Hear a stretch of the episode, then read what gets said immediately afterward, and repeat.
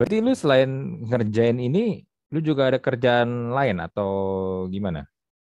Ada, ada, ada. Dan kerjaannya bener-bener Chinese banget lah, nerusin toko orang tua.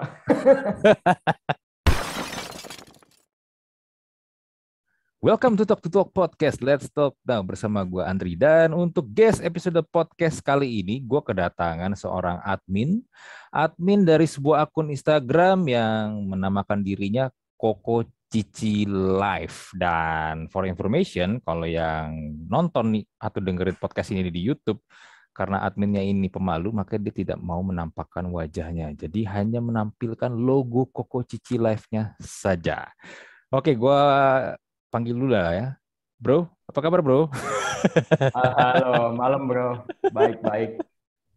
Nah, Koko Cici Live ini nih gue juga sebenarnya belum lama follow juga. Gue follow boleh dibilang tuh gara-gara e-commerce dan desain Hmm. akhir dan setelah gue udah lihat akhirnya gue follow. Terutama karena waktu itu lu bro, lu bikin konten yang gue gue bilang lu sedikit menghina Pademangan, kampung halaman gue. Lu bilang nyetir di Pademangan itu penuh tantangan. Oh, yang itu ya, yang ujian SIM bukan ya? Wah, gue lupa yang mana tapi intinya lu lu bilang nyetir di Pademangan itu penuh tangan Aduh, tantangan iya, ya. Iya, bener sih walaupun gue merasa wah gue Pademangan disinggung nih tapi ya udahlah. Tapi memang kenyataannya begitu, Bro. Eh, Beca lawan arah, motor lawan arah. Aduh, gila dah. Bapak gue pada mangan kok. Bapak lu Pademangan. Iya, makanya gue tahu. Pantesan aja lu tahu kondisi Pademangan kayak gimana. Cuma kan makanan enak-enak, tetap aja gitu kan. Oh iya benar. Kalau untuk makanan sih Pademangan inilah ya, nggak ya salah satu the best place buat ini ya, cari-cari anting-anting makanan lah ya. Yes. Iya. Dan Pademangan itu harganya masih murah-murah. Benar. Iya, iya, iya, iya. Kalau compare sama Kelapa Gading, bakmi di Pademangan 20 ribuan masih dapat bro. Iya, iya, iya. Kelapa Gading Nggak- nggak Kelapa dapat. Gading dua puluh ribu bakso goreng doang udah dua itu. Iya, Kelapa Gading mah minimum lah 40 ribu, 40 ribu juga, ya itu udah minimal lah. Iya benar kalau bakmi. semangkok. Nah anyway, gua untuk di awal ini gue ingin ini ya ada pertanyaan yang mungkin juga banyak orang penasaran juga. Sebenarnya Koko Cici Live ini siapa sih? Lu tuh siapa? Dan kenapa lu bikin akun Koko Cici Live ini? Apakah lu sebenarnya ini adalah ini perpanjangan tangan dari Ernest Prakarsa yang ingin membuat Illuminati, ingin membuat kecina-cinaan makin merajalela di Indonesia atau bagaimana sih ini sebenarnya? Eh, enggak lah. Kalau sama Ko Ernest enggak lah, dia aja nggak fallback. Oh dia nggak fallback. Aduh. Iya. Eh, gini gini, sebenarnya awal karir Instagram, bukan karir Instagram ya. Pertama kali bikin akun tuh bikin akun Gading Live namanya. Oh Gading Live lu juga. Iya, itu khusus buat anak gading. Nah, jadi Oh, Oke. dari situ belajar Hmm. mendapat satu itulah kayak insight. Oh, Hmm. ternyata kalau kita bikin konten yang niche-nya pas, ya maksudnya bukan yang benar-benar nyasar satu market tertentu, Hmm. itu hasilnya bagus. Nah, contoh kalau misalnya kita bikin kayak dagelan gitu, Hmm. Instagram dagelan, itu kan jokesnya sangat uh, universal kan ya. Hmm. Kalau kita uh, kalau misalnya kita mau nyasar ke situ kan susah tuh, udah ada yang gede-gede, udah ada yang akun gede, terus Hmm. Hmm. uh, ya kita mulai dari nol lagi, mau saingan sama mereka juga susah. Hmm. Tapi kalau kita nyasar satu market tertentu, contoh awal gua dari Gading Live, itu jokesnya kan yang itu anak Gading doang tuh, itu naiknya lebih cepat. Naik Hmm. cepat dan dan dan diterimanya lebih eh, lebih itulah lebih bagus lah. Hmm. Jadi kayak oh ini ini gue banget nih, ini relate banget sama gue nih kontennya gitu. Nah setelah Gading Live udah running udah bagus, nah, gue mikir eh, niche apa lagi nih yang bisa gue serang, yang bisa gue masuk Hmm. dan belum ada akunnya gitu. Gue lihat-lihat eh, belum ada nih akun Tionghoa yang kesannya lucu, yang kontennya lucu-lucu gitu. Hmm. Hmm. Sedangkan gue cari kayak uh, akun Batak, Minang, Jowo tuh udah banyak tuh yang lucu-lucu gitu. Jowo shitpost lah, Batak apa Minang kocak apa segala.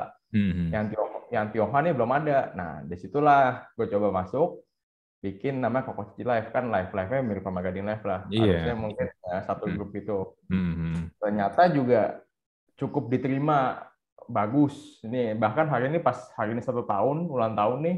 Oh iya benar setahun ya. Iya iya iya iya. iya. Gue baru udah nih. iya followernya 14 ribu berarti satu bulan rata-rata 16 ribuan itu oke lah menurutnya oke banget gitu. Hmm, hmm, hmm, hmm, hmm. Iya iya iya. Oh berarti Gading Live sama lu sama. Iya, itu satu satu koloni lah bisa dibilang gitu. Oh. Ada, ada ada beda ada beda timnya aja, cuman sama-sama gue juga yang nulis ya, Oh, kontennya. Oke, iya iya. Lu harus berarti harus bikin pick live, pademangan live, apalagi tuh. Nah, Eh, i- i- ideal Tweet live. ide idealnya gitu. Itu itu idealnya gitu. Tapi eh, kan kalau akun-akun kedaerahan gitu kan banyak kan kontennya info kan ya, info Iya. info lokal gitu. Mhm. Sedangkan kalau yang live live gue tuh eh, kontennya lebih ke jokes, internal jokes yang benar-benar yang nanti anak yang Yang tinggal di misalnya situ lah ya. fluid, ya gitu banget. Nah, Mhm. kurangnya di situ. Mungkin kalau mau bikin akun-akun daerah lain gitu, harus cari orang daerah sana yang emang satu frekuensi, yang emang bisa bikin konten juga, baru bisa jalan. Tapi kalau misalnya kita yang bukan orang daerah sana sih nggak bakal kena lah pasti kalau kita bikin konten lokal gitu. Bener bener. Karena nggak ada ini ya, nggak ada bondingnya di situ justru yang Iya. yang menurut gue nih ya akun kayak lu yang lu bikin Koko Cici Live ini atau mungkin Gading Live itu mungkin grow-nya juga bagus, organik ya karena itu relate sama followers tuh, Iya. sama banyak orang gitu. Oh, gue juga ngerasain hal ini nih. Nah, makanya orang-orang Iya. pada suka dengan akun-akun Iya, seperti benar. ini gitu. Ada rasa relate-nya, ada rasa tanda kutip rasa akamsinya lah. Oh, ini gue banget nih, ini gue tahu nih. Hmm. Hmm, bener, bener, bener, bener. Dan akhirnya kadang-kadang banyak juga akhirnya curhat colongan kan. Oh, gue juga ngerasain kayak Iya. gitu. Dan akhirnya Iya, iya, ya iya. mereka curhat segala macam. Mhm. Ya, ya, menarik sih ini akun ini. Nah, berarti udah setahun ya bro? Setahun berarti cepet sih sebenarnya ya. Kayak tadi lu bilang tuh grow-nya sekarang udah 14 ribu Iya, iya. followers. Iya, lumayan. Iya, iya. Buat akun-akun brand atau akun-akun yang pengen jadi selebgram, boleh iri tuh sebenarnya sama lu. Ya. Cuman ya gue kan ag- pusing bikin kontennya. Kalau Instagram cuman ya tanda kutip cuman selfie-selfie. Iya sih, bener. Nah, terus lu berarti memang pure ini ya, menyoroti kehidupan orang-orang Chinese di Indonesia lah ya, untuk Koko Cici Live ini ya. Benar. Mhm. Eh, ma- cuman eh, rada tantangannya ini sih. Soalnya kan gue Chinese eh, Tionghoa Jakarta, Jakarta Jakut Kelapa Gading gitu. Hmm. Sedangkan gue tuh pengennya sebenarnya aimnya relate ke Chinese se-Indonesia. Hmm. Tapi kan gue mungkin nggak punya relate sama Chinese Medan, Hmm. Bangka, Pontianak gitu. Gue berusaha buat nyari tahu, cuman sejauh ini sih eh, mungkin lebih kenanya ke orang Jakarta lah, Hmm. gitu. Mungkin ke depannya masih lebih diimprove di situ. Gitu. Oh iya, benar sih. Lu kalau ke beda kota udah beda lagi tuh. Lu kalau ke Surabaya, Koko Cici Surabaya tuh udah beda lagi tuh lifestyle itu. Iya, dari bahasa, gaya ngomong, habit itu beda. Cuma Iya. sejauh ini sih ma- masih ada relate-nya lah. Irisannya masih banyak lah ke yang Chinese-Chinese luar, luar Hmm. Jakarta gitu. Hmm. Berarti lu selain ngerjain ini, lu juga ada kerjaan lain atau gimana? Ada, ada, ada. Dan kerjaannya bener-bener Chinese banget lah, nerusin toko orang tua. Tipikal banget ya, nyurusin toko Iya. orang tua. Iya. Berarti lu kuliah dulu di mana? Dulu kuliah, eh, wah, di salah satu universitas swasta di Jakarta Selatan. Oke, di Jakarta Ya. Selatan ya. Oke. Ya. Terus lulus kuliah, lu malah nerusin toko orang tua. Sempat ngantor, Hmm. kan stereotipnya gitu. Kata orang tua lu ngantor dulu belajar, nanti ilmunya lu buat gedein toko gitu kan. Tapi begitu begitu dikasih masukan, tetap Hmm. aja mental. Ujung-ujungnya nerusin bokap punya kebiasaan semua gitu lah. Banyak kan kayak gitu setelah di Iya. riset. Iya bener bener. Tapi kenapa ya? Gue ngeliatnya juga kayak gitu kan. Dikuliahin jauh-jauh sampai kadang-kadang S2 dan S2 juga nggak ini ya nggak main-main ya sampai ke luar negeri kan ke Amerika segala Iya, macam ya. benar benar benar. Ya tapi ujung-ujungnya pulang nerusin toko gitu loh. Ya Iya, ada juga sih yang nerusin perusahaan kan company juga kan. Tapi Hmm. ya kalau yang gue perhatiin ya walaupun nggak semua kebanyakan juga lu nerusin pun juga kalau misalnya bapaknya atau mungkin engkongnya masih hidup lu ya semua masih kontrolnya dari dia kan dan ya, ya benar benar ilmu yang lu pakai kadang-kadang akhirnya nggak bisa lu terapin juga di toko atau mungkin di perusahaan Hmm. itu kan Men- menurut lu gimana nih Kalau setelah waktu itu kan gue beberapa kali bikin sesi Q&A gitu ya, uh, Hmm. discuss sama follower, dan ini pengalaman juga sih. Hmm. Sebenarnya mindset orang tua kita itu sekolah yang tinggi-tinggi adalah untuk ban serep, tanda kutip. Hmm. Jadi uh, mereka sudah menyiapkan bisnis, menyiapkan jalur yang bisa kita terusin. Hmm. Tapi amit-amit kita gagal, kita masih bisa gelar. Hmm. Gitu. Hmm. Kalau kalau menurut yang gue yang gua obrolin sama followers banyak kan kayak gitu. Jadi misalnya eh, kamu gagal, kamu nggak bisa nerusin bisnis, at least kamu bisa bersaing lah, kamu punya masih punya gelar. Kalau papa kan dulu nggak nggak kuliah, Hmm. ada yang nggak SMA malah. Ini Hmm. bisa sampai sini kan kerja kerasnya bener-bener di jalanan lah. Hmm. Ajar sana ajar sini, akhirnya bisa bikin bisnis. Kamu tinggal nerusin, tapi kalau kamu gagal pun, kamu masih punya gelar buat bersaing di luar sana. Gitu. Hmm, jadi lebih ke ini dong ya, biarpun gue keluar duit mahal buat sekolahin dan kuliahin anak gue, ya, ya untuk ban serep, intinya gitu. Iya, karena mindset orang tua itu mereka udah tanda kutip udah tahu cara nyari duit yang Hmm. ya ini ini gini lah cara gue udah tahu nih Hmm. eh, dan ini buat siapa lagi kalau bukan buat lu gini masa gue kasih bisnis ke orang lain gitu kan. Hmm. hmm. Nah sama, sama soalnya ini sih eh, orang tua zaman dulu itu bikin bisnis bikin usaha tuh jarang yang didesain bisa dioper Eh, bisa dijual Eh, jadi eh, kalau toko orang tahu bu- bukan misal bukan toko cahaya tapi taunya itu kok Aliong gitu Iya, iya, benar, benar, benar. Ya, yang dijual nama orangnya kan bukan Hmm. nama bisnisnya gitu jadi Hmm. eh, bisnisnya nggak bisa dijual mau nggak mau anaknya nanti nerusin gitu emang didesain seperti itu Iya, benar, benar, benar. Orang lebih ingat toko si ini ya, yang punyanya ya dibandingin nama Iya, tokonya ya. ha, ha, ha.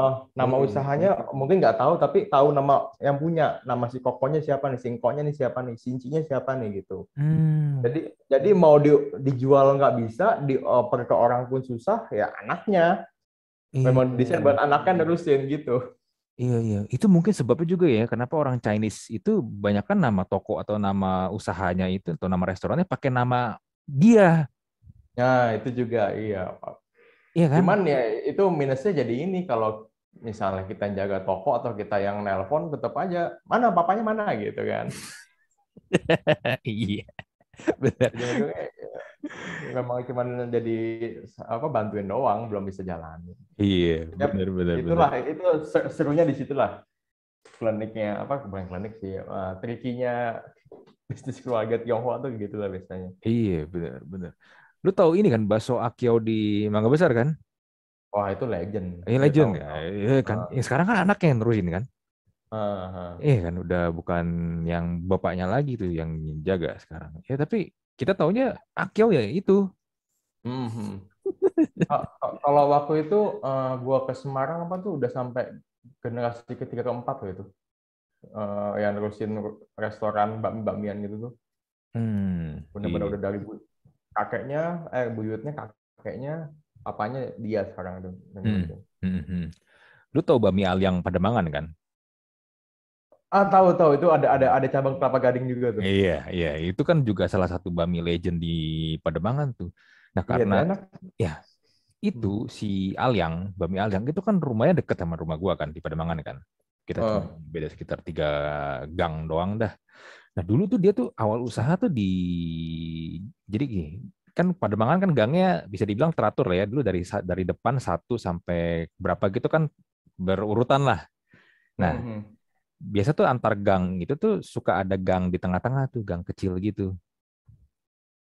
Nah, dia tuh dulu jualan di gang 14 di antara gang 14 dan 15 di gang tengah itu. Pakai masih pakai gerobak kecil. Hmm, di rumahan doang berarti ya ya? Enggak ya? mending rumahan, Bro. Gerobak, Bro, di pinggir jalan. Ah, ah. Nah, sampai akhirnya usahanya jalan, dia akhirnya bisa punya kayak inilah ya toko segala macem dan ya udah tuh sampai sekarang akhirnya di tempatnya dia tuh di Gang 14 itu tuh dia ngambil beberapa rumah ya salah satunya buat rumah dia, salah satunya juga buat restorannya dia dan satu space itu buat tanah kosong cuma buat untuk parkiran mobil doang. Kalau ada orang dari luar penerbangan mau makan. Hmm. Itu itu contoh ya menurut gue ya. Salah satu contoh bisnis di ini ya di keluarga Chinese ya keluarga Tionghoa di Indonesia tuh yang berintisnya lama banget. Tapi pelan-pelan pasti kelihatan rame bisa mengundang orang dari luar kawasan datang yang sekarang gue lihat mulai di mulai diterusin ke anaknya karena anaknya mulai itu tuh mulai sering bantuin jaga hmm. jadi kasir segala macam. But I, I I don't know tuh anaknya mungkin mau ada cita-cita lain atau enggak tapi yang gue lihat ya kayak gitu.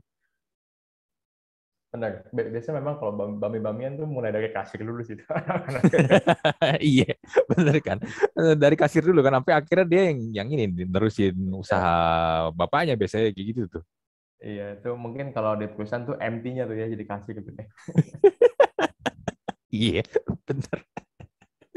ya tapi itu Bami ya, turun temurun sih gila sih itu gue salut sih jujur sama Al yang sih dulu ya, juga ya. dia menawar pas masih gerobakan dia tuh dulu tuh zaman dulu ya bro bakmi itu kalau misalnya mau biar orang lain tahu dia tuh suruh pegawainya tuh keliling bro keliling hmm. dia bawa kayak ketokan buat bakmi atau bakso gitu tuh diketok-ketok-ketok sambil teriak nama bakminya apa nah kalau dia lewat depan rumah lu lu panggil Oh, pesan langsung tuh ya? Iya, lu pesan, dia nanti catat, dia catat tuh di, di situ juga on the spot mau apa, nanti dia dia ke tempat ke gerobak bakminya, dia balik lagi baru buat anterin pesanan lu.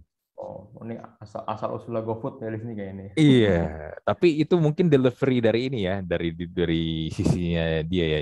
Ya sekarang uh. kalau sekarang kan ya udah canggih lah ya ada GoFood, ada hmm. segala macam kan jadi lu nggak perlu pusing-pusing lagi kan. Menurut kalau dulu dia kayak gitu tuh, dia keliling. Dari, dari intinya dari situ ya sampai sekarang udah punya cabang beberapa tuh ya. Hebat, Iya, gokil itu makanya. Iya emang emang orang zaman dulu tuh engkong itu gigih-gigih banget tuh kalau kitanya tuh ya. Iya. Kayak nggak nggak punya takut, nggak punya pengen apa apa bisa nih hajar terus. Hmm, bener. Segala bidang lu hebat. Tapi bokap nyokap lu tahu lu ngerjain Instagram gini, kok cici live, gading live segala macam.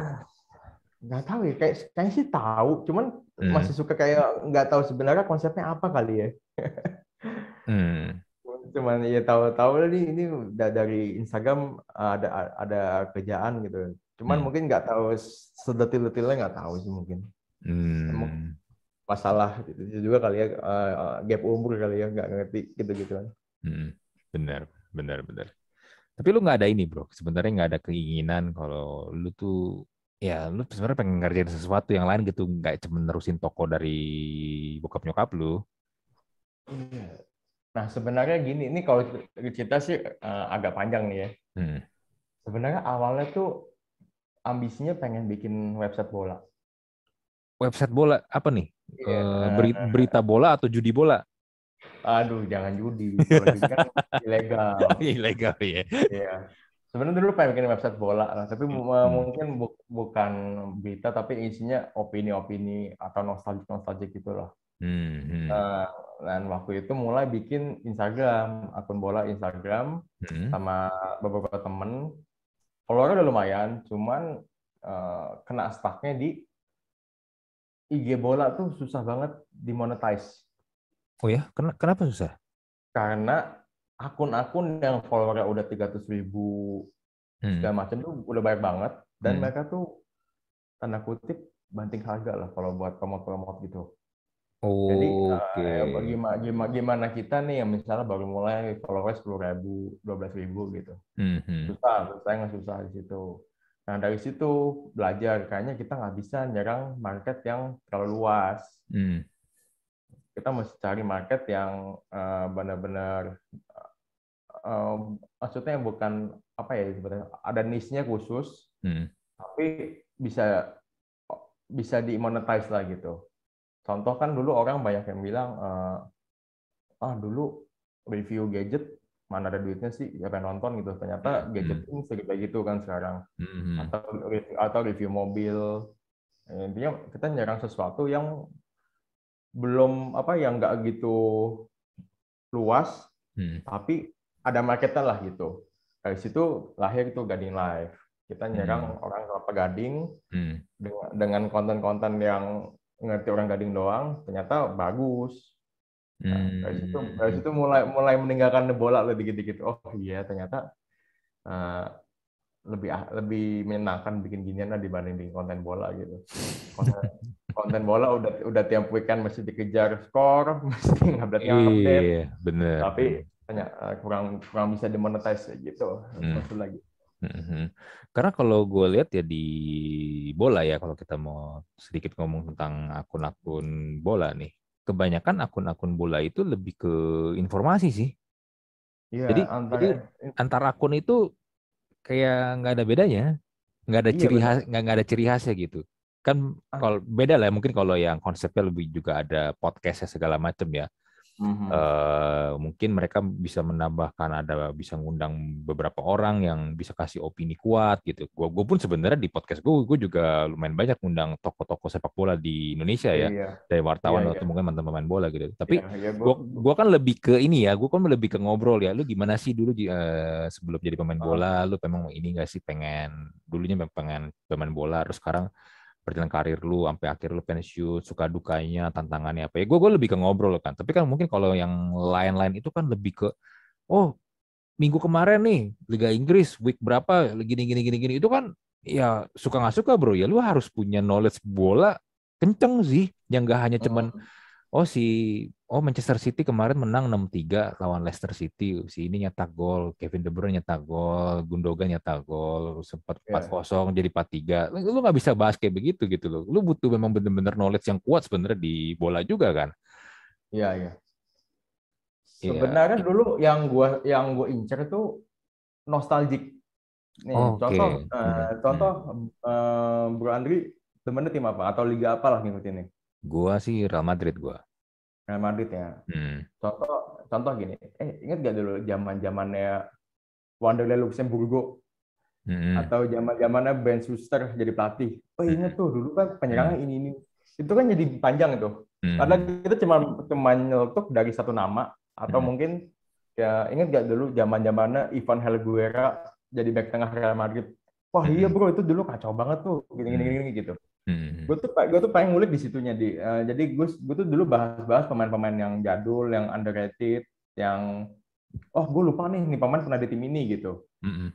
Itu cuman itu engagementnya oke, tapi kalah jauh banget sama akun-akun yang isi ceng-cengan bola doang atau mungkin Hmm. Kayak Iya. misalnya misalnya Ronaldo nggak golin dikatain wah penaldo nih wah itu kan Hmm. mereka banyak share banyak tapi masa lu bikin akun eh, konten kayak gitu sih gitu loh ya walaupun kita idealis Iya, kita idealis tapi nggak menang juga ujung-ujungnya sama gitu-gituan bener. iya Eh, karena suka nggak suka bola itu memang segmennya lebih ke C dan D, bro.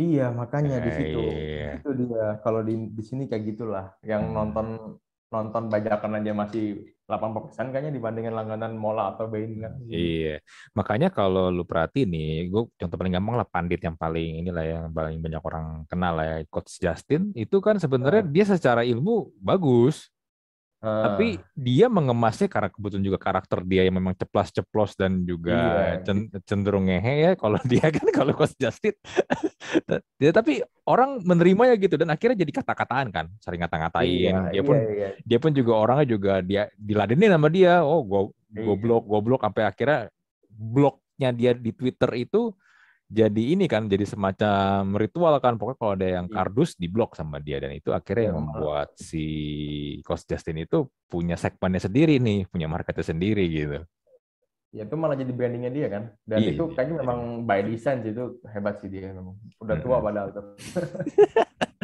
iya itu Coach Justin hitungan juga masih koko-koko itu sebenarnya masuk iya, iya, iya. masuk ke segmen lu juga sebenarnya untuk Koko Cici Iya. live Kayak kayak, kayak gue follow deh IG-nya dia dipakai koko cici tapi nggak tahu tuh dia nyadar apa enggak tuh. oh lu follow dia iya Iya iya iya. Ya seru sih untuk ini membangun sebuah ini ya, sebuah platform lu sendiri di sosial media atau mungkin di YouTube or whatever tempatnya ya. Karena memang kita kan sebenarnya ingin ini ya, ya nggak suka nggak suka memang kita pasti ingin mencari viewers atau mencari followers juga kan nyari engagement kan Iya, dari apa yang benar. kita Mhm. bikin kan tapi memang tantangannya itu bagaimana supaya mereka tuh bisa mendapatkan something ya, ya kan get something dari apa yang kita ini kan kita kasih kan Benar. Mhm. iya uni- unik juga lah. Jangan udah banyak di mana-mana kita ikut-ikutan gitu. Hmm, hmm. Dan menurut gue Koko Cici Live ini ini unik sih. Eh, sebuah ya gue relate karena ya gue juga ngerasain makanya gue gue juga bilang Hmm. gue juga bisa bilang ya ini konten tuh jadinya bisa berkembang banget di sini jadinya. Syukurlah kayak gitu. Nah anyway, berarti lu untuk ini masih belum ada plan lagi kan mau buat ngembanginnya atau gimana sih?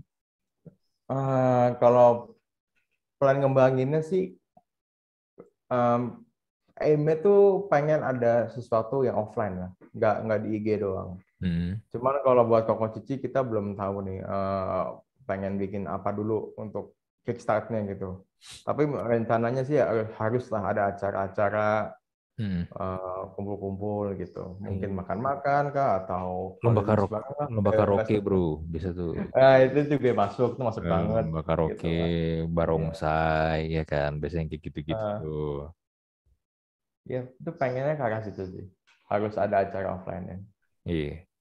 Di, gue baru tahu lu ternyata di Glodok Chandra itu udah kelar renovasinya, lu tau gak? Oh, itu petak 6. Iya, petak 9, petak 9. Eh, Yang yang bagus tuh sekarang petak 6 sih itu yang eh, jadi kayak mall petokan itu bagus banget sih sekarang. Eh, gue gue belum ke sana gue. Karena kan Itu. dulu kan kemarin sempet terakhir tuh di renov ya. Jadi tuh gak lu Ya, nggak ya. bisa lu nggak bisa masuk ke sana. Dulu kan Chandra itu kan ada bioskop kan. Mhm. Iya zaman dulu tuh ada bioskop, cuman sekarang bioskopnya udah nggak ada. Kan ternyata gue kemarin sempat lihat ada yang ngepost udah jadi tuh. Iya, iya, itu tuh bagus kok, keren. Iya. Pokoknya sekarang kalau yang Chinatown banget tuh itu sama ya Pick 2 yang paling Iya. keren itu udah udah udah paling Chinatown banget lah di sini walaupun buatan semua. Iya, iya, bener sih. Iya, gue waktu itu ke sana pas lagi ini terakhir tuh nyiapin sangjit, sangjitan gue Hmm. nyari itu, nyari yang nyediain apa sih itu Baki, namanya? baki, Iya baki, bakinya ya. bakinya, bener bakinya. Buset dah. Itu dulu tuh juga challenge juga tuh nyiapin baki. Gue kan to be honest ya, gue biarpun Chinese tapi gue tuh nggak aware tuh gak sama begitu-begituan. Lu kalau misalnya nanya ke gue. Ya. lu bisa ngomong Mandarin gak? Gue kagak bisa ngomong Mandarin. Lu kan ada bahasa-bahasa daerah juga kan, ada Teochew, Iya. Hokkien atau mungkin Eh, kalau lu yang Hakka, kayak segala macam kayak, Hakka ya, ya kan. Gue tuh kagak bisa beneran. Gue tuh Ya, kagak bisa. kalau kalau apalagi gue gue sebagai admin tapi follower gue kayak jauh lebih pinter gitu gituan dibanding gue soal budaya-budaya soal apa. Apalagi kemarin pas Sangjit itu Hmm. mu- mungkin nyokap gue tiap ketemu orang itu aturannya beda lagi tuh. Bakinya mesti segini. Terus Mm-mm. ketemu teman satu lagi beda lagi. Oh bakinya isinya masih ini ini ini ini. Hmm. Ketemu orang lain beda lagi beda lagi. Itu bahkan gue tuh line up pembawa bakinya itu hamin 10 menit baru fix tuh. Ganti-ganti mulu orangnya. Hmm. Oh iya gue sempet baca tuh. Lu mer lu meritan soalnya pas lagi COVID ya? Iya, tahun lalu 2020 ya benar. Hmm. Tapi enak dong, nggak usah ngundang-ngundang banyak orang kan jadinya. Iya, tapi kan lampunya jadi dikit juga. iya sih. Iya. Oh lu 30 menit terakhir lu baru ini line up-nya baru fix tuh untuk yang bawain Iya, bakinya. itu Ada yang nggak jadi datang takut, ada yang tiba-tiba ribut sama bininya nggak mau datang. Wah banyak banget ya. Ribut Pusing sama ya, bininya nggak mau jadi nggak datang tuh gimana coba? Terus ya kan bawanya kan masih masih sepasang-sepasang kan. Hmm, hmm, lagi bininya dia mungkin lagi ribut nggak nggak nggak bisa dia wah pusing pusing banget waktu itu benar-benar dibanding meritannya Sanjit lebih pusing sih kalau kemarin sih Oh kalau lu lebih pusing sangjitnya ya? Iya. heeh. Hmm. Iya iya iya. Soalnya kalau di kebanyakan kalau di tradisi kita ya kan kalau orang nikahan itu kan sebenarnya menikah yang menikah itu nggak cuman suami istri doang si cowok dan si cewek kan yang nikah tuh Iya. keluarga soalnya keluarga juga Benar. ikut ikutan dan kadang-kadang sebenarnya yang lebih, yang lebih ngerepotin tuh yang dari keluarga Iya, aduh, apalagi yang keluarga yang nggak deket-deket banget tapi banyak ngomong. Iya, bener banget. Udah nggak nyumbang tenaga, udah nggak nyumbang Ah. waktu, udah nggak nyumbang duit, tapi yang paling banyak ngomong, paling banyak ngatur, Iya, itu yang paling males. Iya tuh, parah banget. Aduh, Iya. untung udah lewat deh. Kalau inget-inget lagi PTSD gitu. Iya. Nah, Tapi ya kita so far sekarang sih kalau untuk meritan, gue nggak tahu ya kalau nanti setelah COVID ini. Tapi menurut gue kalau memang mau merit sebenarnya sekarang ini waktu yang pas. Karena ya lu nggak perlu terlalu yang ribet-ribet gimana-gimana lagi kan. Karena ya lu juga nggak bisa ngundang banyak orang. Iya, iya. Cuman ya itu, eh, beratnya di orang tua sih. Kan di eh, nyokap bokap kan dari dulu udah sering ngasih ampau ke rekan bisnis yang anaknya nikah, saudara-saudara. Pasti kan pengennya Oh. pengen pengennya kan balik kan. Hmm. Kita udah ngasih dia, tapi kalau Hmm. kita nik- Hmm. kayak kemarin gua kan nikahnya jadi dikit, mereka nggak diundang. Hmm. Ya mereka ya jadi nggak ngasih juga itu kan kayak investasi bodong jadi kagak balik. Tapi gue sampai sekarang masih nggak tahu ya, ini kalau ini gue gue ya, gue gue gue pribadi, gue merasa tuh sistem seperti itu tuh agak aneh gitu guys. Ya ada orang merit, lo kasih angpau. Ya sebenarnya angpau itu kan sukarela kan, Iya. ya sukarela kan. Tapi kan kalau dengan mindset seperti itu kan seakan-akan ya itu kan kita dulu bilang jadi kayak investasi kan. Iya, udah skemanya kayak kayak arisan besar aja jadi. Iya, jadi kayak arisan bener, giliran jadinya kan Ganti-gantian, muter iya. ganti-gantian. Iya. kan waktu itu pernah gue kontenin juga tuh kayak Hmm. eh kalau gue kasih waktu anak lo segini apa pas anak lo nikah gue ngasih segini pas Hmm. anak gue nikah lo ngasih segini ya kan anak lo tiga gue anak gue dua kan rugi dong gue gitu I- iya Ada bener, bener bener gitu, bener. kan. Gue gue pernah denger ada yang kayak gitu juga tuh. Jadi kalau Iya. gue ke, misalnya nih siapa kasih si A nih, oh pokoknya si A tuh udah harus ingetin tuh, udah harus tahu tuh, oh si ini udah pernah kasih gue segini. Jadi nanti kalau misal Hmm. let's say si ininya anaknya merit, gue juga harus kurang lebih nilainya segitu.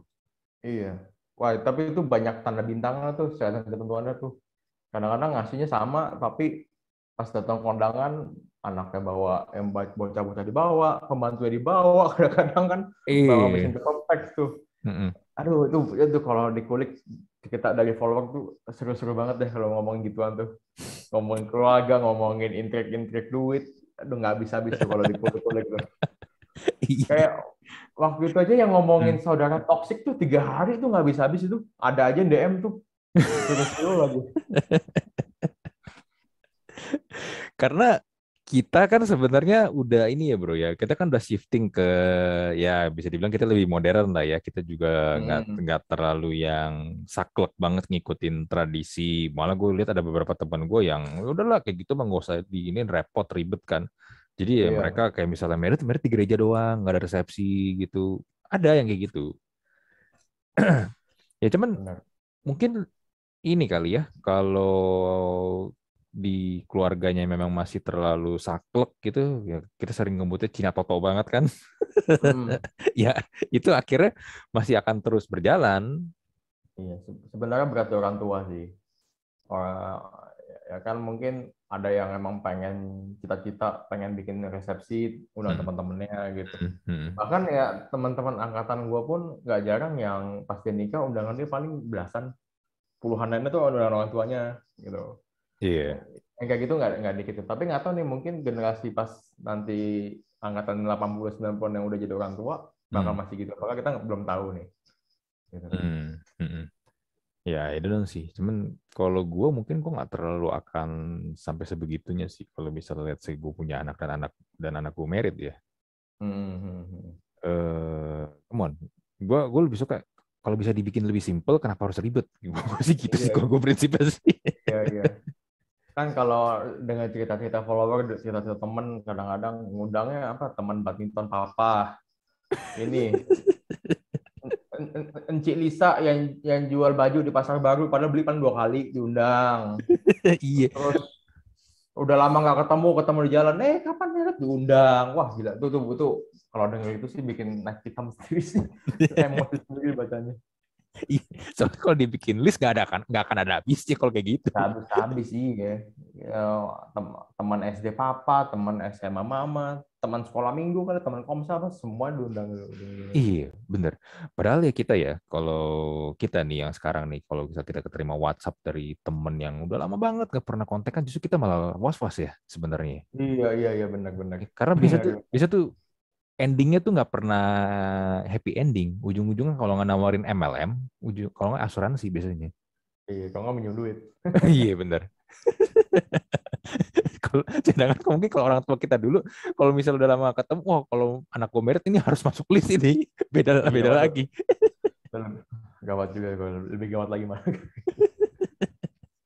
ya tapi itu loh ya itu keunikan ini loh ya su- Nah, ya, ya, cerita-cerita itu- dari kalau meritan ala-ala Chinese lah ya kayak kayak gitu Ya. lah ya.